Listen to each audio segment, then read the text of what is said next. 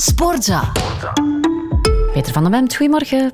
Goedemorgen. Ik zat te luisteren naar de radio toen Westerlo won van Club Brugge. De Champions League helden van Club Brugge. Het was Bert Sterks, geloof ik, die het amper zelf kon geloven. Hè? Uh, hoe kan dat? Weet jij het al?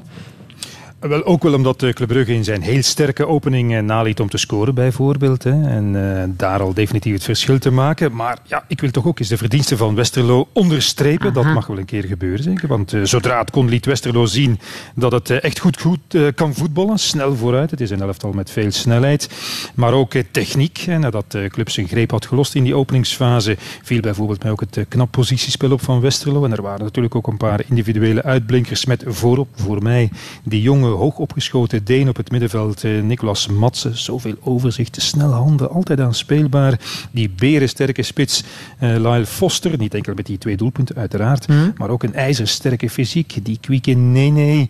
En die frisse Maxime de Kuiper, die we ondertussen allemaal hebben leren kennen. De huurling van Club Brugge op links. En uiteraard niet vergeten Sinan Bolat. Sinds een paar weken toch opnieuw ja. bepalend. Met een paar cruciale reddingen. Nee, Westerlo is gewoon een, een mooie, frisse ploeg. En Jonas de Roek, een coach die weinig lawaai maakt, bescheiden is, maar door specialisten in het voetbal terecht, vind ik, eh, heel hoog wordt ingeschat. En het is natuurlijk allemaal minder opvallend. Het is niet hetzelfde verhaal als vorig jaar bij Union. Ik denk niet dat ze vice-kampioen gaan worden, bijvoorbeeld. Maar Westerlo is toch maar een mooie aanwinst voor de Jupiler Pro League. Het gaat goed, dus applaus op alle banken voor Westerlo. Maar we moeten toch ook even over Club Brugge praten.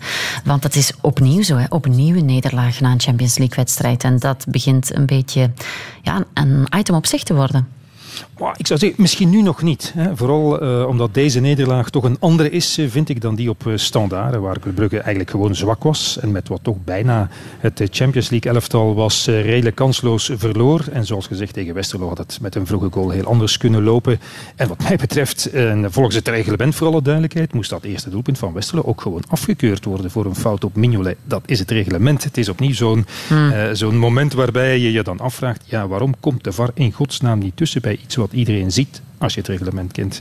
Maar goed, het is wel een vervelende nederlaag, vooral voor jongens die door de week moeten toekijken hoe hun collega's een Europese heldenrol vertolken en die dan zelf in het weekend hun kans niet grijpen. Met voorop natuurlijk eh, die twee peperdure jongens voorin, Jaremchuk en Noah Lang. En Jaremchuk eh, stelde net als op standaard teleur, vond ik, had die paar kansen moeten afmaken. Dat valt dan natuurlijk extra op, omdat zijn concurrent, als ik hem zo mag noemen, eh, de Spanjaard uh, het zo geweldig doet in de competitie en ook in de Champions en dan Noah Lang, die liep toch maar even zijn coach voorbij met een beetje een lang gezicht mm. bij zijn wissel. Dat kan je nu al zien dat hij natuurlijk niet gebleven is bij Club Brugge om in het weekend tegen Westerlo te voetballen en woensdag in Madrid weer op de bank te zitten. Maar goed, ja, dat is de weelde die Club Brugge heeft en dat zal de coach Karel Hoefkes toch goed moeten managen, denk ik, zo tot half november. En zondag, na wie weet, hè, wat eh, straks een historische kwalificatie is, woensdag in Madrid tegen Atletico, toch maar weer niet verliezen uh, op Anderlecht, want anders wordt het toch een item. En zo zijn we bij Anderlecht. Want Anderlecht stond in Mechelen aan de rand van de afgrond.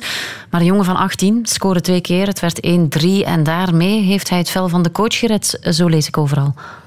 Ja, ik vind dat eerlijk gezegd een vreemde conclusie. Hè? Want het was nog maar op vrijdag, en dus de neerslager van zaterdag op Sporza in de kranten, dat de CEO Peter Verbeke duidelijk het geloof en het vertrouwen van de club in Mazou had uitgesproken.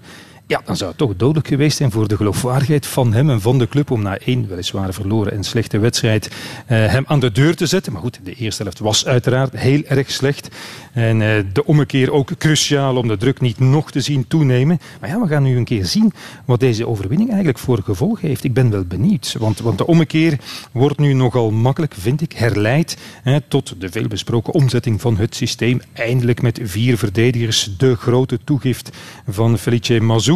Maar klopt dat wel, vraag ik mij af. Hè? Want, want na de rust uh, zaten vooral de omstandigheden, wedstrijdomstandigheden mee. Meteen gelijk gemaakt na nauwelijks 20 eh, seconden. Nadien nog twee doelpunten uit de twee kansen. Ik zou zeggen, met diezelfde efficiëntie had Anderlecht ook al gewoon gewonnen van Charleroi. En wie mm. weet zelfs van West Ham midweek. En na die 1-1 heeft Anderlecht in dat nieuwe systeem toch ook nog een hele tijd afgezien. Werd het nog een poos gedomineerd door KV Mechelen. Hoe was het gelopen als de bal van Bolingoli erin en niet ernaast ging? Die van Heidemans naast en niet tegen de paal? Ja, we weten het niet. Vorig jaar hield Vincent Company volgens sommigen koppig vast aan zijn systeem met vier verdedigers. En werd er gezegd, waarom niet een keer met vijf of met drie verdedigers? Maar kijk, zo gaat het nu eenmaal. En het is wel een feit natuurlijk dat Mazou denk ik, niet anders kan dan nu vasthouden in de nabije toekomst aan dat nieuwe systeem door de ontwikkelingen in Mechelen. Hij kan het zich nu, eh, en of dat terecht is of niet, dat weet ik eigenlijk niet, maar niet permitteren om bijvoorbeeld tegen Club Brugge weer met drie te beginnen en dan te verliezen. Hij is bij wijze van spreken veroordeeld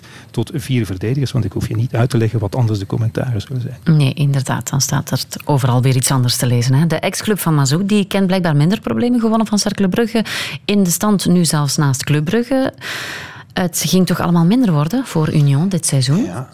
Ik moet zeggen, misschien is wat Union dit seizoen doet gewoon nog straffer. Hè? Want uh, iedereen weet het, twee absolute sterkhouders vertrokken met Casper Nielsen en Dennis Oendaf. Overigens, ik, zou die nog gelukkig zijn, vraag ik mij af, bij Brighton. Ik heb die zeven opgezocht, drie keer ingevallen in de Premier League, 18 minuten alles opgeteld. Ah. Misschien wil die gewoon wel terugkomen Was hij maar het, gebleven. Ja, ja en, en, zonder de architect natuurlijk van het succes, van het, mm -hmm. van het succes liever vorig jaar. Mazou opnieuw netjes in de top 4. En dat ook nog eens met die Europese belasting. Vijf wedstrijden hebben ze gespeeld in de benen.